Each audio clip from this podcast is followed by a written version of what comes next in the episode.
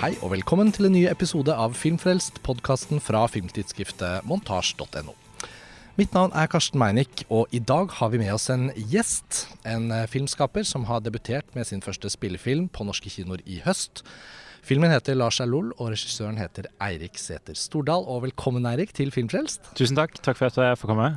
Du, Takk for at du kom. Jeg vet jo at du holder egentlig da til i København nå. Ja, det stemmer, det I denne fasen av livet ditt. Ja. Så vi er heldige som når deg her i Oslo nå som du er på slutten av kanskje kinoløpet til Lars er og det har vært litt skolekinovisninger, vet Mm. jeg. Og um, veldig mange av oss i montasje har sett filmen din og på en måte innsett at for oss har det vært litt sånn et høydepunkt i det norske filmåret 2023. Blant flere høydepunkter, så gratulerer med filmen. Tusen takk, så utrolig hyggelig å høre. Jo, men det skulle bare mangle. Og heldigvis så følte jeg jo at eh, Jeg hadde jo kjennskap til deg fra før av, fra gammelt av, og kortfilmene du har laget. Og mm, så forsvant du litt på filmskole i Danmark. Ja, Og det tenker jeg sånn når vi sitter og observerer eh, hva som utspiller seg i norsk filmkultur, og som du vet, jeg har jo gått på den norske filmskolen og Mm. studert klipping der og, og sånn, så kjenner man at de som drar og studerer i utlandet det verste som kan skje er at de bare blir borte. At de Ja, blir oppslukt i en annen filmkultur, og så i hermetegn mister man talentene Mm. Og Det tenker jeg på av og til når man ser på sånn fotballtalentdiskusjoner, så er det sånn unge norske spillere som går til en eller annen klubb når de er 16, og så ser man aldri noe mer til dem. Nei, sant.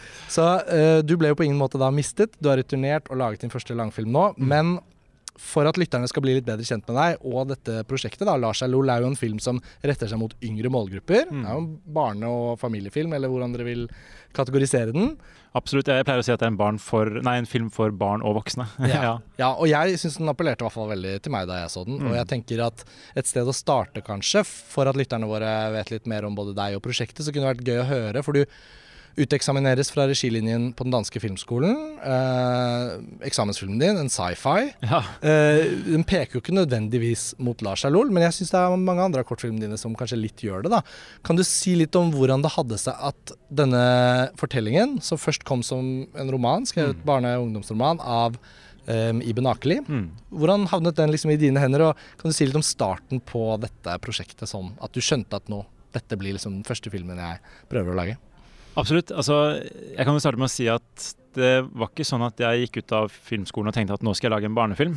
Ikke fordi jeg tenkte at jeg ikke skulle gjøre det heller, men eh, jeg var egentlig i gang med å utvikle på en lavbudsjetts debutfilm i Danmark som handlet om noen helt andre ting, og som hadde en helt annen tone og en helt annen stemning enn det Lars Alol har. Og eh, i den perioden Jeg bor jo fortsatt i København, men da bodde også Iben i København. Iben Akeli, som har skrevet Ja. Lars Ol'. Og eh, vi kjente hverandre opprinnelig fra videregående. Men det var egentlig først eh, mens vi begge bodde i København at vi fant et eh, slags fornyet vennskap. Ja, så gøy. Det og det var mens hun skrev boka. Så, og det var jo hennes første roman. Hun Ja. er jo skuespiller Mm. opprinnelig, og fortsatt. Og eh, hun fortalte liksom fortløpende om prosessen å skrive, og det var jo første gang hun skrev eh, selv. Og eh, fortalte om historien og tematikken og, og det som ja, historien handler om. Det kan jo fortelle helt kort om det for øvrig, fordi Ja. eh, Tittelen er jo veldig bra. Ja. Lars er lol. Det er sånn lett å si. Lett å si, lett å liksom- huske. Ja, lett å huske. Og så tenker jeg liksom at Lars er lol Altså, mitt minne er sånn at jeg fikk se i en eller annen pressesammenheng at Iben Akeli har skrevet en bok, og Mm. den heter Lars er lol. Mm. Og da visste jeg ingenting om hva det handlet om. Men allerede da husker jeg tenkte å, bra tittel. Ja, ikke sant? Ja. Men ja, fortell gjerne hva historien eh, Helt kort fortalt så handler det om Amanda som går på barneskolen og som skal bli fadder for en liten førsteklassing. Men første skoledag etter sommerferien så får hun istedenfor oppgaven å bli fadder for en gutt som heter Lars. Og han er like gammel som henne og ny i klassen, og så har Lars Downs syndrom. Mm. Så Amanda har egentlig ikke lyst til det i det hele tatt. Hun er veldig forelsket i en klassekamerat som heter Adam, og prøver liksom å passe inn på de måtene man prøver å passe inn på når man er eh, på barneskolen. Mm. Eh, Men hun klarer ikke helt å si nei heller, så hun ender med å få denne oppgaven, da. Eller gaven, som eh, Janne kaller det i boken, oppgave. Mm. Og bli fadder for Lars. Og etter hvert så oppdager Amanda at Lars er en veldig, veldig fin fyr, og at hjemme hos Lars så kan hun tulle og ha det gøy og leke Harry Potter, som Lars elsker. Og begynner egentlig å få et veldig fint og nært vennskap med Lars. Mm. Men det er et vennskap som hun da prøver å holde skjult på skolen. Og så utforsker jo både boka, men kanskje i enda større grad filmen, den splittelsen da, mellom det å ha den, det hemmelige vennskapet eh, med Lars, og så en fasade på skolen hvor hun fortsatt prøver å liksom komme tettere på Adam, som hun er forelsket i. Mm. Så, så det var jo eh, Altså faktisk mens Iben skrev boka, at hun spurte meg om jeg kunne tenke meg å, å gjøre Lars Ol om til film. Mm. Hun hadde sett noen ting jeg hadde laget, og også lest noen av de tingene jeg hadde skrevet ma altså i manusform. Og jeg skjønte egentlig ikke da hvorfor hun spurte meg. Jeg har spurt henne noen ganger etter sånn, hva var grunnen til at du spurte om jeg Hun sier bare at det var en slags magefølelse, da. Og, og, nå føles det som at den magefølelsen i hvert fall var god, da. Mm. For, eh, og er veldig heldig for meg, ikke minst. Mm. Men det å ha så organisk samarbeid fra ja. så langt tilbake med forfatteren av på en måte selve fortellingen mm. Men uh, hun er jo også med på manussiden på filmatiseringen. Absolutt. Og det gir vel også dere to i forhold til den kreative rollen man har hvis man er regissør, så er man mm. jo ansvarlig for det kunstneriske i en filmatisering, mm. uansett hvor kildematerialet kommer fra. Men det å ha en forfatter som blir en medskaper og en følgesvenn, sikkert også mm. på det kreative, det må jo ha hatt stor betydning også for deg, da, når du skulle ja. ta på deg oppgaven, på en måte? Eller bli altså, del av det? Uten tvil. Det var jo Altså, da jeg leste boka eh, like før den kom ut, så, så ble jeg utrolig truffet, da. Og veldig mye mer enn jeg hadde forventet. Fordi da Iben spurte, så sa jeg jo egentlig basically jeg vet ikke. For jeg, jeg Altså Min første innskytelse var at uh, å bruke tre pluss år av livet mitt på en, en barnefilmsadaptasjon var kanskje ikke noe jeg egentlig var interessert i. Men da jeg leste boka, så, så ble jeg rett og slett bare slått i bakken av mm. historien. Og jeg både gråt og lo og syntes det var et eller annet med Amanda, hovedkarakteren, og hennes vennskap med Lars som rørte meg enormt. Og ikke minst denne splittelsen i Amanda. da. Frykten hennes for å skille seg ut, og, og den kampen for å liksom passe inn, ikke være annerledes. Og så etter hvert kanskje oppdage at det er nettopp de sidene av en selv som, man, eh, som gjør at man skiller seg ut, som er ens store styrker. da. Mm. Det, det, traff meg bare rett i hjertet, og jeg følte at jeg kunne kjenne igjen Amanda fra min egen oppvekst og mange av de emnene. Det er jo en historie som også beskjeftiger seg med, med mobbing, nettmobbing. Og, og, plutselig så var det nærmest ikke noe valg egentlig lenger. Nei, ikke sant? Uh, så jeg ringte Iben. Litt, uh, ja, ja, virkelig. Så jeg, jeg ringte Iben dag, altså, samme dag i det øyeblikket jeg lukket boka og var sånn Dette her mm. vil jeg gjøre. Så tok det ikke tre år, da. Det tok jo sju. ja, for jeg skulle til å si Det var jo litt sånn flott at Iben ja. Akeli den gangen allerede så for seg at den skulle bli en film. Da. Det er jo mm. ikke nødvendigvis sånn at den faktisk da blir det, selv om hun ønsket seg det eller så det for seg.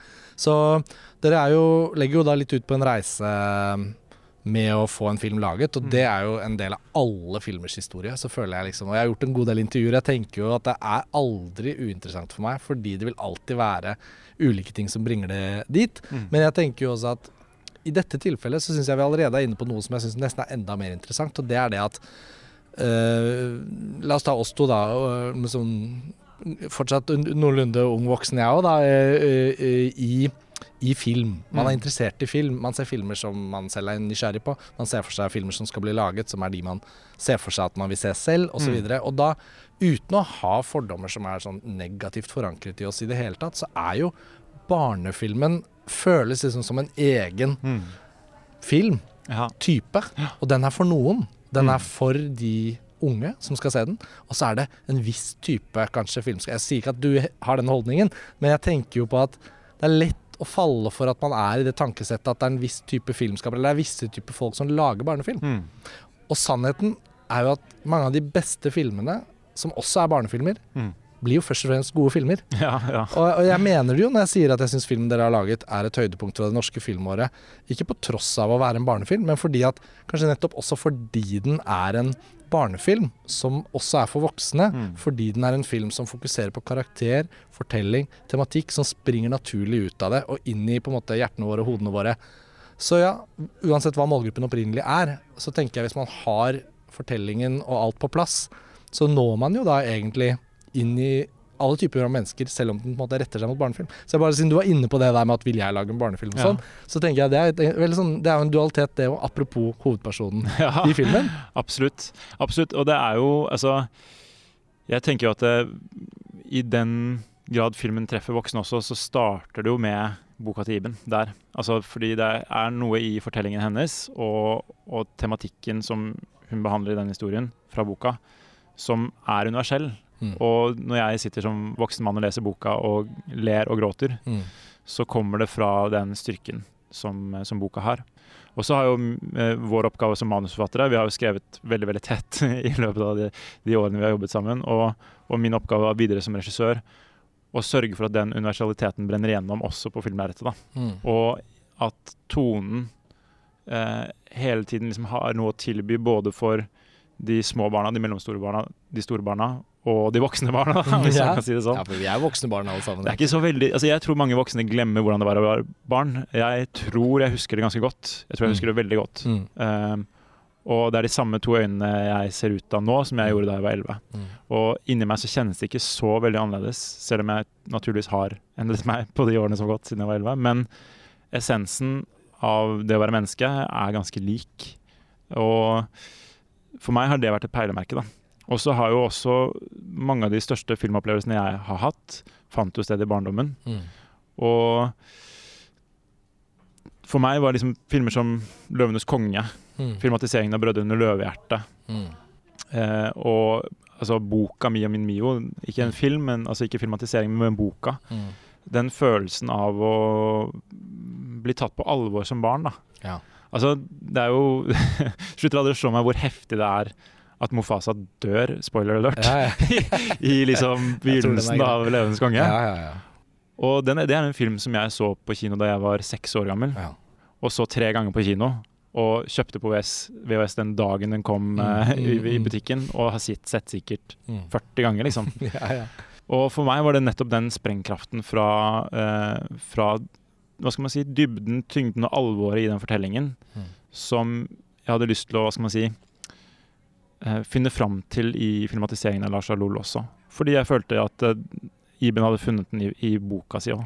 Ja, og jeg kan jo da si eh, at noe av det jeg da som helt utenforstående publikummer egentlig, da jeg så Lars Alol, tenkte mye på, det er jo at de vonde følelsene som man særlig kjenner på etter å ha gjort noe dumt, eller ikke har strukket til i et øyeblikk sånn Ja. at den riktige beslutningen ble tatt, Ja. enten fordi man er barn, eller også som et voksent barn, eller bare som voksen, Mm. at eh, man kan bli litt en seig eh, dame eller mann som måtte bites i forskjellige steder. Så vil man strekke til, og så blir man litt Og for et barn som er akkurat der Amanda er Mm. Hun er ikke helt den der skikkelige ungdommen, men hun har litt sluttet å være barn på den veldig barnlige måten. Mm. Og hun merker, og det tror jeg veldig mange publikum kjenner seg igjen i, både i målgruppen og da oss voksne, Ja. Og kjenne igjen at oi, nå endrer det seg noe her. Mm. jeg henger ikke helt med. De jentene der har begynt med noe som ikke Det vil jeg også være med på. Mm. Eller og jeg kjenner det banker litt ekstra for han gutten i klassen. Mm. Og så at den derre tilpasningsfølelsen At gruppetilhørighet og det å ikke skille seg ut, det er noe så innmari sånn Det er som om naturen bare har plantet det i oss. Og hun kjemper liksom ikke imot det, fordi hun tenker at det er jo måten å være Mm. ha det bra på. Det er å passe inn. Mm. Um, og du var jo så vidt inne på det, og, og det liker jeg så godt i filmen at når hun da får den oppgaven å være fadder for Lars, Mm. så er det ikke sånn at dere da skal intrigedramatisere det umiddelbart som en sånn stor konflikt i filmen. Mm. Fordi hun resignerer jo litt sånn ja ja. Det Ja. er litt sånn fattet. ja. Uff, ja ja, men det er mye annet som skal skje i høst, jeg får bare gjøre det, da. Det varer sikkert ikke så lenge, og det er kanskje bare sånn, sånn at han skal føle at han er velkommen. Eller sånn. Mm. Den følelsen er også så veldig autentisk, da. Så jeg tenker jo at noe av grunnen til at filmen fungerer så fint, bortsett fra at dere brukte syv år og sånn det, var, det gikk vel en pandemi i midten der som kanskje Jo da, altså vi satt ikke og skrev eh, hver dag i syv år. Nei, men dere var, ventet på eh, at ja. filmen skulle bli lagd, kanskje da. At det var lengre tid som gikk. Men eh, når man ser den ferdige filmen, så vet man jo at det er veldig mange ulike faser som filmskaperne skulle lykkes med for å komme dit. Mm. Og du har nå snakket litt grann om samarbeidet med Iben, og da føler jeg litt at vi kan hoppe frem mot at den skal bli laget, da. Mm. Og så kommer det utrolige spørsmålet alle som lager barne- og ungdomsfilm møter. Vi skal fylle denne filmen med skuespillere som kanskje nesten ikke har noe erfaring. Antageligvis er de helt ferske. Så, og du har bodd da noen år i København, du bor fortsatt i København. Jeg sier ikke at det gjør at det er vanskeligere å caste norske barn og sånn, det er jo ikke det at det forsvinner. Men hvordan gikk du liksom til den oppgaven da det var i gang? Altså, hva var det du søkte etter? Hva var det du, hvor lang tid tok det å finne disse barna? For jeg syns jo rollebesetningen din her er helt fortreffelig. Tusen takk. ja, ja, men den er virkelig det. Og jeg Ja. føler sånn de tar det alvoret i fortellingen også veldig sånn innover seg. Så- Uten tvil. Altså, eh, casting er noe av det beste jeg vet i hele verden. Um, så jeg har jo stort sett castet mine egne kortfilmer selv. Og, og, elsker den prosessen. Både fordi at jeg syns det er så fascinerende å få så mange forskjellige mennesker inn i rommet. Jeg elsker mm. å kikke på ansikter. Eh, jeg elsker å på en måte lære mennesker å kjenne bare ved å møte dem, da, hvis man kan si det sånn. Møte mm. dem i rommet. Eh, og så er min sånn artikulering av filmen som regissør kan ikke finne sted før jeg har castet på plass. Mm. Så selv uansett om jeg da har skrevet manus sammen med med, med Iben i, over alle disse årene, og kjenner historien inn og ut, og, og, og så, videre, så er det egentlig først når jeg begynner å få disse ekte menneskene på plass, at jeg kan virkelig begynne å ja, artikulere scenen. Og det er egentlig først etter det at min egen sånn sceneanalyse som forberedelse til å stå på opptaksdagen kan begynne, fordi jeg må ha disse menneskene foran meg, valgt, da, kan man si. Mm, mm, mm. Så um, på samme måte så liker jeg å kaste så tidlig som mulig i skriveforløpet. Så faktisk begynte Altså vi etablerte et samarbeid med Stella Casting og Celine Engebrektsen, som jo mm. uh, er jo en, en castingveteran fantastisk, ja, ja, med veldig og, høyt nivå. Og, og, og, fantastisk god til å finne alle mulige roller, men spesielt kanskje barn. fordi er det én ting hun er god på, mm. så er det nettopp det å se mennesker. Da. Og hun kan se ting så tydelig så tidlig. Um, så vi startet samarbeidet allerede i 2019. Ja. Så lenge før vi egentlig tenkte det ville være realistisk å gå i opptak, så hadde vi en sånn tentativ castingrunde som en del av utviklingen. Mm. Hvor uh, vi hadde vel en 50 jenter inne eller noe sånt nå. For da starter man liksom med å kikke til hovedkarakteren Amanda. Mm. Uh, og så hadde vi også noen sånne self-tapes fra gutter i noenlunde riktig alder med Downs syndrom. Mm. Bare for å liksom begynne å Fordi det skal Altså, en ting er å ha barn og finne de riktige barna, men det er jo ikke så mange mennesker med Downs syndrom som blir 40 hvert, årskull. Mm. Eh, færre og færre ja, nå i dag. Mm. Og i de kullene som vi kikket på, så var det vel omtrent 80 personer hvert år som blir født med Downs syndrom. Og så kan man kanskje si at omtrent halvparten er gutter. Mm. Um, så det begynte vi liksom bare for å ja, skal man si, sette første steget. Mm. Og, og, bare det å få noen mennesker foran kamera å si noen enkle replikker eller gjøre noen improvisasjoner over noen situasjoner. Da begynner man allerede å nærme seg ok, hva er det vi leter etter. da? Og sånn starter en samtale med, med Celine om hva ser vi etter i de ulike karakterene. Hvilke styrker må de ha, hvilke svakheter må de ha tilgang til, mm. eller adgang til. da. Og Celine sa noe veldig veldig klokt allerede, det gjør hun hele tiden for så vidt, men allerede på første møte. Og det var at uh, den Amandaen vi skal finne, må ha den styrken som Amanda finner til slutt. Og, og, det viste seg å være veldig riktig, fordi Lilly som spiller Amanda, har den styrken, men hun har også adgang til den sårbarheten mm. som ligger i, i, i, Amandas svakheter. Så Celine satte i gang en ny runde da høsten 2021, hvor For da vokste de første dere fant ut av De var blitt for store ja, for lengst. De var sikkert uh, blitt dem, konfirmert og ja. videre. og da var det jo to løp. Det var først å kikke etter uh, jenter og ved å lete etter Amanda, så finner man liksom fortløpende de andre. Mm. Eller begynner man å finne de andre. Og så er det jo å finne Lars. Så det er jo to liksom parallelle spor. Og Adrian, som spiller Lars, han kom inn allerede i august 2021, ganske tidlig. Ja. Eh, og eh, var med det samme veldig sånn spennende å møte, men ganske forsiktig foran kamera i begynnelsen. Så for meg så tok det et par møter før det plutselig begynte å og åpenbare seg for meg at oi, her er det faktisk et stort potensial som skuespiller. Mm. Fordi det er jo ikke nok å finne en gutt som har Downs syndrom i riktig alder. Det må jo også være en som kan spille skuespill når man filmer. Mm. Så eh, parallelt med det så hadde vi faktisk Lilly inne i Som ender med å få rollen som Amanda, mm. inne i en av de første rundene. Og i mine, jeg kikket igjen her i våre, så så jeg notatene mine fra den første gjennomkikken, hvor, ja. hvor Lilly kommer hvor det bare er liksom sånn superlativer og liksom sånn Kjenner begeistring, pluss, mm. pluss, pluss. Ja. Og så avslutter med 'føles som en Amanda'. Ja. For det er jo Spesielt med barnekasting så må du liksom du, som, du, som, du, er inne på, de er jo ikke skuespillere mm. ennå, i hvert fall. Nei. Og det er jo ikke det fordi de skal være karakterene sine, men de må ha adgang til de samme sårbarhetene mm. som karakterene har, og de samme styrkene som karakterene har. Alt annet er jo egentlig vilje og handling. Men, men, hvis de ikke har det spennende i seg som karakterene har, så, så, hjelper det ikke om de er gode skuespillere. Fordi de har ikke den treningen som voksne skuespillere har brukt årevis på å komme til. Så, og det som skjedde med Lilly, var at den improvisasjonen hun gjorde på den situasjonen som vi allerede har vært inne på, hvor Janne spør om hun vil være fadder for Lars, ja. Den var så sterk at de ordene som hun brukte i den improvisasjonen, de skrev jeg inn i manus dagen etter. Ikke sant, Så det endrer seg bakover Ja, det endrer seg bakover. Og, og, og de ordene som, som Lilly ender med å stå og si på opptak, og som er i den ferdige filmen, var Mm. hennes egne ord Ja. et år i Så forveien. kult. Og jeg må bare trekke inn, for jeg vet at du har fortalt om dette i en annen sammenheng jeg hørte, men filmens antagonist Ja. er også en veldig imponerende ung eh, Mm. jente som spiller. Um, men um, da er jo det et morsomt spørsmål.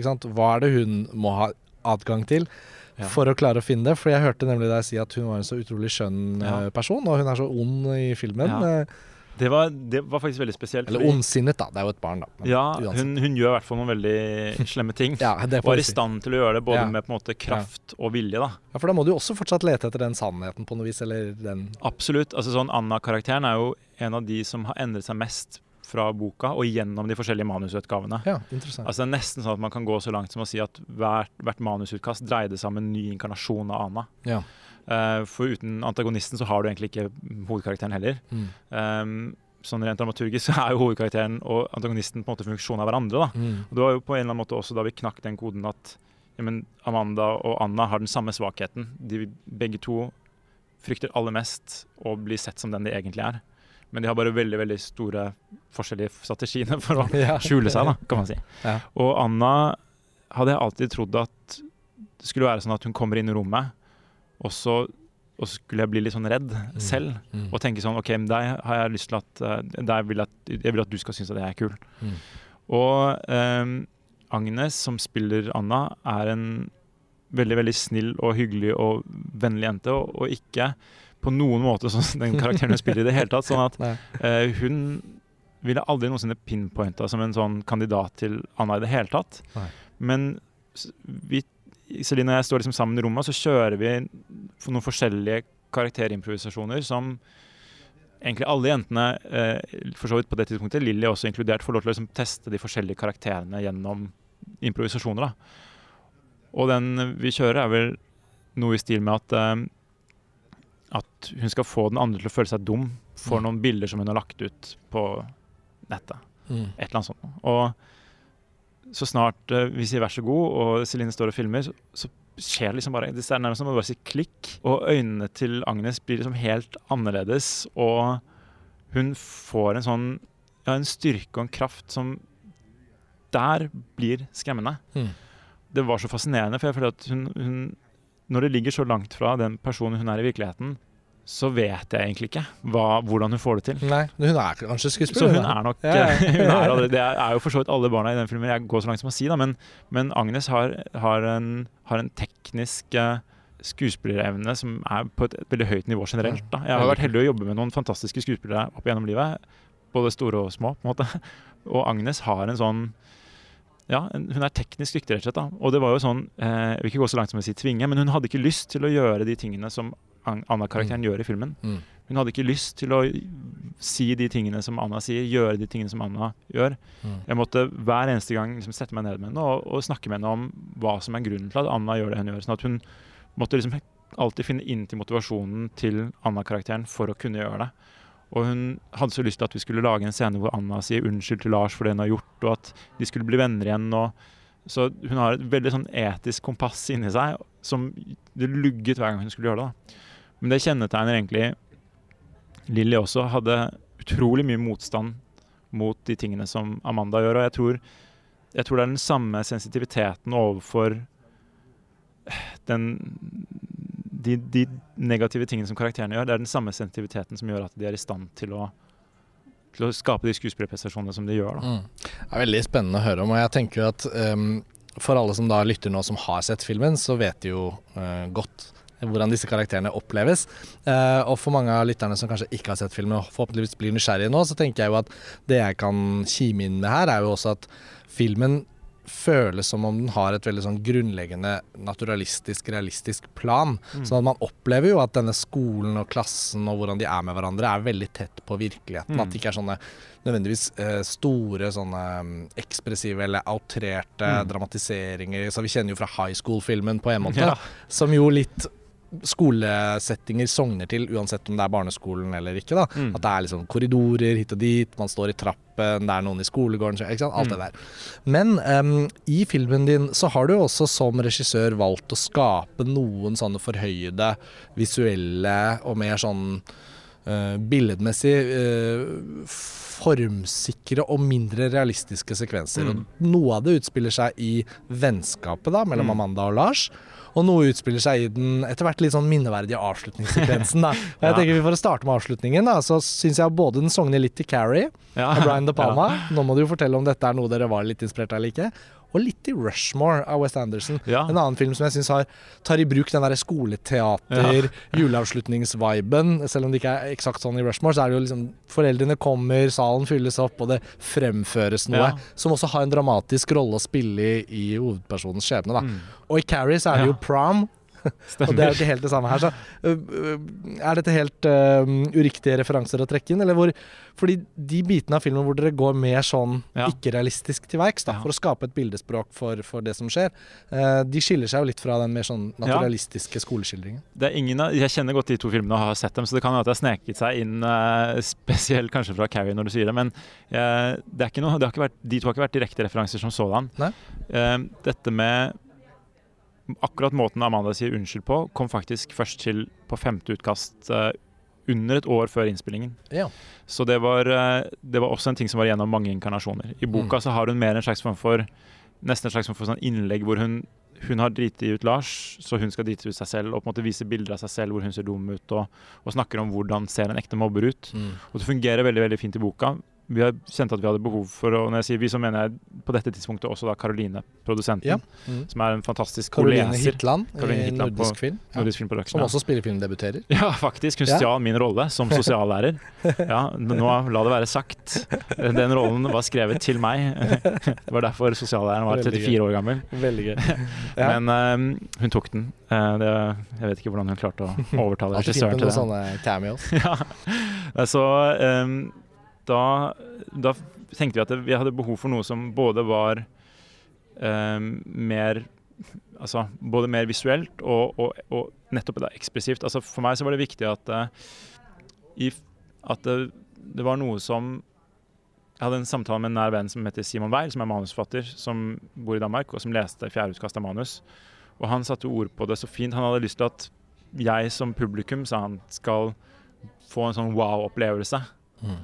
Eh, og så, med fare for å spoile, så er det ikke sikkert at det på en måte er nok. Da. Det kan at det må enda mer til for å ja, Mm. få til det som Amanda prøver på til slutt.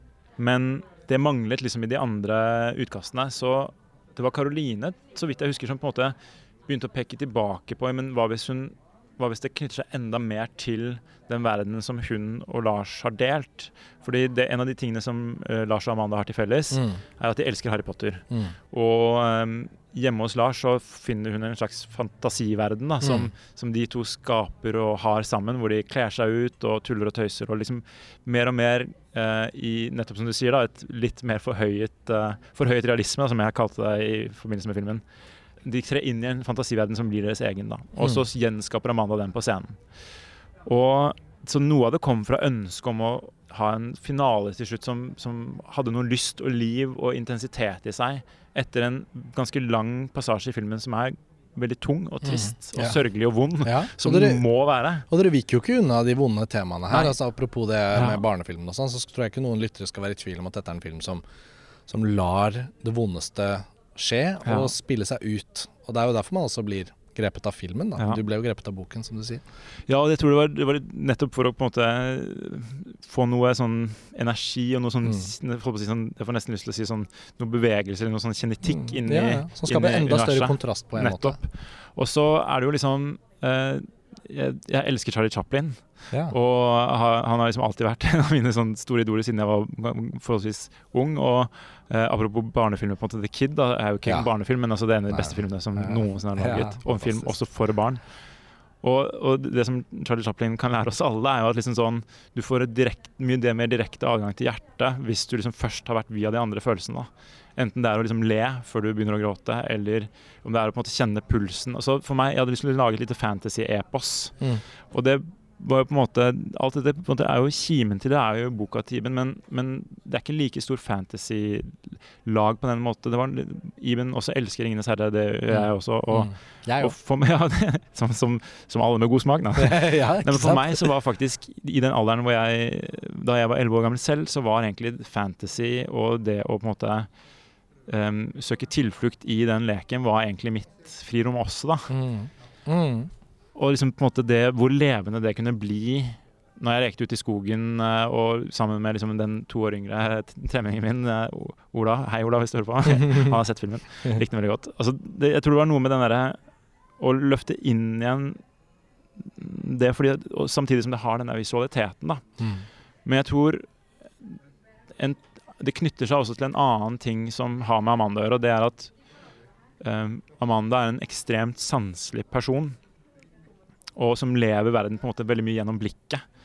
Og, og blikket er jo også en, av, en annen sånn filmisk sånn kjerneingrediens, da. Ja. Som kanskje er grunnen med stor G til at jeg, at jeg lager film, har lyst til å lage film Mm. det er dette med blikket. da. Og, og Amanda er en karakter som sanser gjennom blikket. Så hele utgangspunktet for filmatiseringen er denne sansningen. da. Og velge å ha et kamera som, som er fysisk nært Amanda veldig store deler av tiden, og som på en måte bruker hennes sanseperspektiv, opplevelsesperspektiv, som utgangspunkt for fortellingen. Stort sett uh, hele filmen er filmet på samme optikk.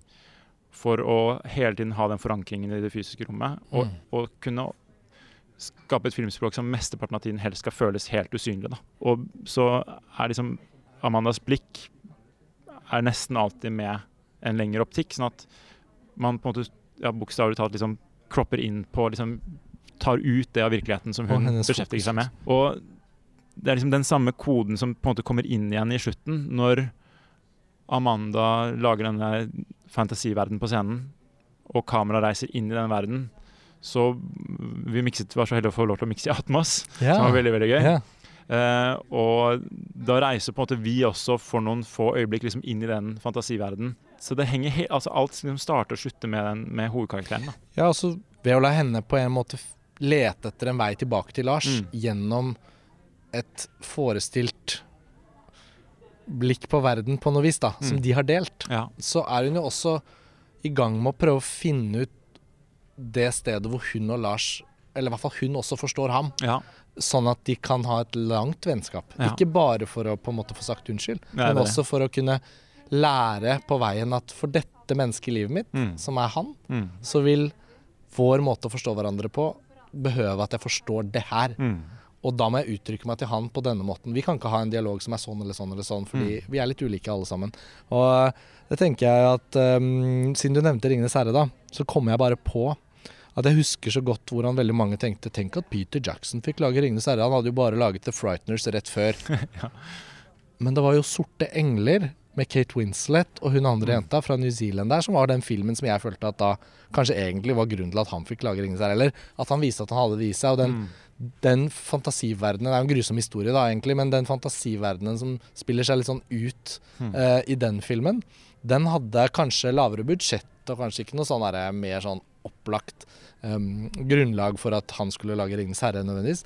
Men måten han brukte rollefigurenes innlevelse i en fantasiverden på, det gjorde jo at man skjønte at han er jo også i stand til å leve seg inn i en fantasiverden, som også Tolkien da har skrevet i de bøkene.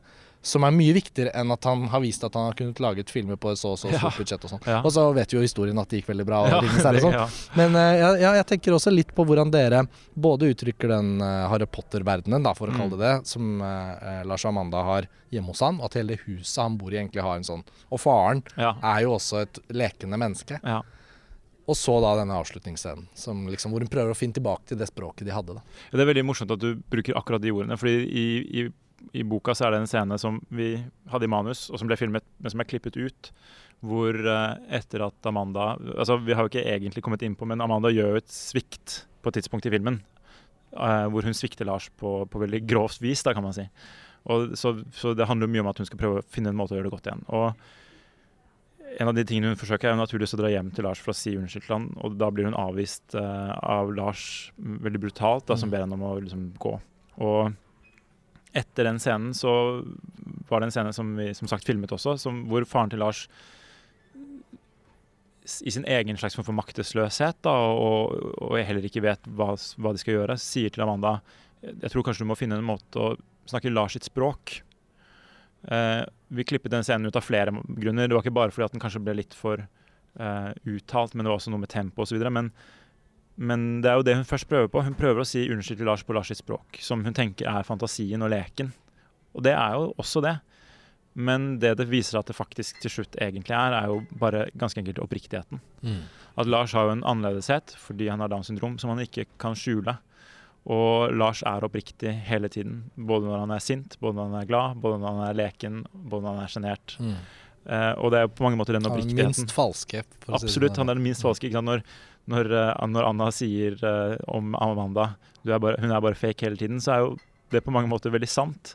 Og, og, Lars, som du sier, var veldig godt formulert. Jeg har faktisk aldri tenkt på det på den måten selv før, men han er jo den minst falske av med alle sammen i en film som handler om karakterer som må lære å, å vise seg selv da, og, og, og, være tro mot seg selv. Mm.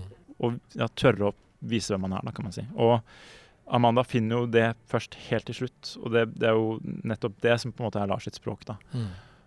Og um, nå er det nok veldig bra at den scenen ikke er i filmen, Spesielt når du nærmest har hatt den med deg allikevel. Da. Ja, Fordi det er jo faktisk akkurat det som skjer. Det er jo ofte, syns jeg, bare nå snakker jeg som klipper, altså, men ja. noen ganger når jeg tenker på hvorfor man klipper noe ut, mm. hvis man skjønner at man gjorde det riktig, så er det jo gjerne fordi at man innser at uh, scenen er jo der. Ja, ja, det er bare den fysiske plassen scenen tar opp mm. i klippelinja eller på filmen, ja. er unødvendig. Ja. Fordi det scenen handler om, egentlig allerede er der. Ja. Men det tar veldig lang tid ofte å innse det. Um, og du som regissør så har jo du fulgt filmen gjennom alle disse prosessene som vi nå har også snakket om. Og at liksom etter hvert som dere da til slutt har låst denne klippen og, og, har denne premieren, så har jo da, for å komme tilbake til noe jeg sa i starten, du også kommet hjem litt, da. Uh, for å påminne lytterne om dette med at du du har jo tatt uh, filmutdanningen din i Danmark da, ja. og bor fortsatt i København og sånn. Og um, jeg må jo også gratulere med at Lars Alol har nådd sitt publikum i høst. da. Ja. Den har jo virkelig blitt omfavnet uh, av målgruppen, og sikkert mange av deres foreldre også. Ja. Så jeg hører faktisk stadig vekk om, om, voksne som går inn og ser den alene med, med en venn eller to. Altså, det er veldig hyggelig. Så velkommen. Så Eirik, jeg blir jo da nysgjerrig på hva slags planer du har videre nå. Fordi uh, vi er jo alle nervøse for å for å miste norske filmskapere til sånne internasjonale ja. fortellinger. Danskene. Men uh, du har sikkert fått en nærhet til dansk film òg, og mange du har gått uh, sammen med på filmskolen. Så kan du si litt om hvor du er som filmskaper nå, etter at Lars Erlol er ferdig? Altså Jeg håper jo sånn, for min egen helt egosentriske del at jeg får lov til å ha et ben litt i hvert land. da. Mm. Uh, det er jo en skandinavisk tradisjon, da. Med mange skuespillere og ja. filmskapere som går over grensene. Absolutt. Og, og nå har jeg så heldig å ha et veldig tett og nært forhold til Caroline Hitland på Nordisk Film her i Norge, og da også en produsent i Danmark som heter Mathilde Apelin på Nordisk Film i Danmark. Ja. Så Lars Alol var jo også en norsk-dansk koproduksjon, ja. hvor alt etterarbeidet var i Danmark. Uh, og Så på den måten så håper jeg jo at, at jeg kan få lov til å både lage film i Norge og i Danmark i, i sånn rent praktisk forstand, men jeg tenker den norske filmkulturen har liksom en, en egen tone og en egen klang den danske filmkulturen har en egen tone og en egen klang. Og for meg så tenker jeg at det bare er en fordel hvis filmskapere kan bevege litt på seg. altså sånn Helt fullstendig uten sammenligning for øvrig, så laget jo Kislovskij noen av sine beste filmer i Frankrike. Mm. Og nå for tiden så sitter jeg og jobber på et prosjekt som det, det, er noe helt annet enn psykologisk thriller. Ja, eh, og det er noe som vi nå har utviklet på i, i Norge, og har fått utviklingsstøtte til um, her i Norge. Mm. Men som opprinnelig startet som en dansk idé. Og, og jeg tror at uh, veldig mye av den liksom, kjernesjelen til det prosjektet føles liksom en sånn danskish ting. Mm. Men da det ble plassert i Norge, så var det som om det fikk et lag ekstra, et lag mer. da. Så Interessant. Det, jeg tenker at det, ja, hvis jeg får lov til å være så heldig å få jobbe i begge land og, og kunne lage både norsk film og dansk film, så, ja, så er jeg i hvert fall veldig fornøyd. Men jeg tror faktisk også at det kan ha noen fordeler for, for filmene, da. Altså for, for, film, for, filmene som jeg forhåpentligvis får lov til å lage og utvikle på. Og det er jo, når vi da har en dansk klipper på filmen, som vi jo har, mm. eh, Katrine Ambus, som er en fantastisk dyktig klipper, så kommer jo hun med et helt annet perspektiv enn det norske. Ja. Og det har konsekvent bare vært en styrke. Fordi de tingene som hun ikke forsto fordi hun manglet noen sosiale koder, måtte jeg på en måte artikulere tydeligere både for meg selv og for filmen. Mm. Og så har hun noen blikk som er, som, et, som er på en måte mer rent dramaturgiske, mer rent psykologiske, Mm. mer rent filmiske. Uh, hvor det er ikke nok at man forstår det fordi man er norsk, man må liksom forstå det fordi det er en filmfortelling. Selv om du har vært i gang lenge i forhold til kortfilmene og utdanningsløpet og disse syv årene som du Ja. snakket om, så vil det jo fra utsiden, da, for mange som nå blir kjent med deg som filmskaper gjennom denne filmen, uh, føles som om du akkurat har ankommet og liksom Ja. akkurat er i gang. Ja. Så da får vi håpe at det blir sånn, da. Jeg uh, håper jo at vi får anledning til å ha deg som gjest på Filmfrelst igjen i fremtiden. Jeg tenkte jo før vi begynte at vi For jeg vet du er veldig opptatt av film selv. Ja. Ikke bare filmene du lager, men alle filmer. Da fikk du jo nevnt Kieslowski litt. Og vi får, altså, man har jo sine helter, og det er alltid gøy med gjester som, hvor man har litt uh, mer tid. Da så kunne man jo nerdet enda mer om alle Ja. mulige filmskapere og referanser. Men jeg håper det blir anledning til det i fremtiden. Ja. Det er morsomt, vi kom faktisk ikke inn på, på noen av de filmene som har vært nærmest liksom Ja. så Nevn noen da, sånn i farta på slutten. Hva har liksom vært de viktigste referansene for deg? Altså, i, I forbindelse med denne filmen, Lars Mm. Så har det jo Mm. vært én film over alle, og det er Roy Anderssons debutfilm 'En kjærlighetshistorie'. Ja, Som er film. en av mine absolutt yndlingsfilmer. Ja. Jeg hadde den store gleden og æren av å møte Roy Andersson en gang. Og fikk liksom Han er jo ikke glad for den filmen selv lenger. Akkurat den Nei, men det får ikke han bestemme er lenger. Nå, nå er den vår. Ja, og den er altså sånn den, Det er et lite mirakel av en Mm. film. Og den har vært med meg siden jeg var 15. Ja. Uh, jeg tror jeg så den 15 ganger i det Ja. året jeg var 15, nærmest. Ja. Altså, og, og Ja, du ble oppslukt av den litt sånn som andre kanskje ble oppslukt av fucking Åmål og sånn. Eller var den også en viktig film? Uh, ikke, Jeg tror jeg var litt for ung for Jeg så fucking Åmål da den, den kom ja, i 98 eller når Ja, så jeg var, nok, jeg var nok akkurat litt for ung for liksom, Hvilket år er du født i, Jeg er født i 88. 88 nesten. Så jeg var vel 11 da den kom. Ja. Men, uh, men ja, en kjærlighetshistorie den traff meg rett i hjertet. Altså. Og, så den har vært viktig gjennom hele veien, både i manus og, og i Mm. filmatiseringen. Og så er Marius Matzo Gulbrandsen, fotografen og vi har et, en felles eh, stor kjærlighet for Paul Thomas Anderson. Ja. Og den, apropos denne med, dette med altså den, det kinetiske, det fysiske, bevegelsene Ja. i, i filmspråket. Men også dette med å sørge for at ja, filmspråket forteller historien, men Mm. helst ikke egentlig trekker for mye oppmerksomhet til seg selv. Det er et sted hvor jeg kan føle litt på at dere har en litt sånn Paul Thomas Anderson-inspirert øyeblikk. Når hun står og venter på venninnen som skal ta følge med henne Ja, på gata der, så blir de helt stille. ja, Og så bare glir kameraet mot og rundt henne. ja. Uh, eh, en av mine for, altså Punch Drunk Love, som ikke så mange andre har som favoritt. Ja, det er bare Marius sin absolutt ja, for det er min Mm. uh, Paul Thomas Anderson-favoritt. Er jeg sier ikke at det er den beste filmen han har laget, men det er min favoritt. Ja, ja, ja. Og den åpningen der når han står stille og orgelet blir sluppet av, Ja. den derre og det er sånn som stillhet til Licorice Pizza, de, Ja. med den bilen nedover eh, Ja. Altså alt det der. Så Paul Thomas Anderson har noen sånne øyeblikk, nå bare fordi du nevnte det, da. Ja, Men jeg har tenkt på at det øyeblikket i Lars Alol hvor hun plutselig da bare står der, og dere lar oss bare se på henne, og vi skjønner jo at hun venninnen ikke kommer til å komme. Og hun, når hun etter hvert skjønner det, så tar hun det litt sånn rolig med fatning med sitt stille vesen. Ja. Men fordi vi da kjenner karakteren deres så godt, så leser vi jo alt inn i henne, ikke sant? Ja. Jeg, Ja. jeg elsker den scenen selv, og den, den er jo tenkt og planlagt og Mm. filmet sånn, på den måten, med den lengden som den har. Mm. Faktisk så var det sånn at da vi lukket klipp, så var det nesten Og det er en lang, lang stille scene. Jeg tror den er 40 sekunder eller sånt nå. Og Mm. da tror jeg den nesten var 30 sekunder korte da vi lukket klipp. Mm. Det var bare slutten av scenen som var med. Og dagen, natten før vi lukket miks, så våknet jeg opp klokka tre på natta. Og du visste hva du skulle gjøre. Og jeg var sånn Jeg, var sånn, jeg, hadde, jeg hadde gått i to, en måned og tenkt sånn Den scenen er, er for kort. Den scenen er Ja. for kort. Det er ikke der vi skal Den scenen klippe. er for kort. Og kommer da til postprodusenten neste morgen og liksom sier sånn Jeg har en litt dårlig nyhet. Og det er dagen vi skal lukke miks. Liksom. Ja, en god og en dårlig nyhet. Ja, en god og dårlig Og det er samme nyhet. Det er samme nyhet. Og hun blir sånn helt rød i ansiktet når jeg sier liksom at jeg har, har lyst til å åpne opp den scenen igjen og Mm. gjøre den lenger. Og liksom sånn Men det er bare ett bilde, da, så det kan vel det, man, skulle, gjøres. man skulle jo tro at det var like til, men det er jo da en helt sånn online-mastereringskjede og liksom sånn inn i miksen. Og vi har jo nok av ting vi også skal rekke den dagen. Ja, ja, ja. Men eh, heldigvis så tar hun det med, med stor ro og knusende fatning. Takk for det, Maria Louise. og, og, og går opp og liksom undersøker med shortcut i Danmark hvor Ja. mye det vil koste Og får gjort, gjort dette her i siste ellevte time. Og så sitter Ja. jeg da med klippeassistenten og finner den nye, riktige lengden. ja. Og så har vi det inne i miksen på ettermiddagen. Og Jeg er så glad for at jeg gjorde det. Altså det er bare sånn Mantraet til Karoline Hitland, produsenten av meg, er Ja. sånn du må alltid huske å lytte til magefølelsen. Ja. Når du våkner opp klokka tre på natta Ja. dagen før du skal lukke Ja. lukke og så det er siste sjanse til å gjøre det, Ja. så må du faen meg høre etter, ass. Altså, jeg så det bildet, og jeg Ja. husket det bildet, og jeg Ja. følte på det bildet. Så hvis jeg er en målestokk, så var det riktig magefølelse. Da. Og det som var veldig interessant, var at eh, det viste seg at det var ingen av lyddesignerne eller poseprodusenten som hadde forstått hva scenen handlet om. De forsto ikke Mm. For det at det kort. handlet om Mm. at hun ventet på venninna Mm. fordi den var for kort.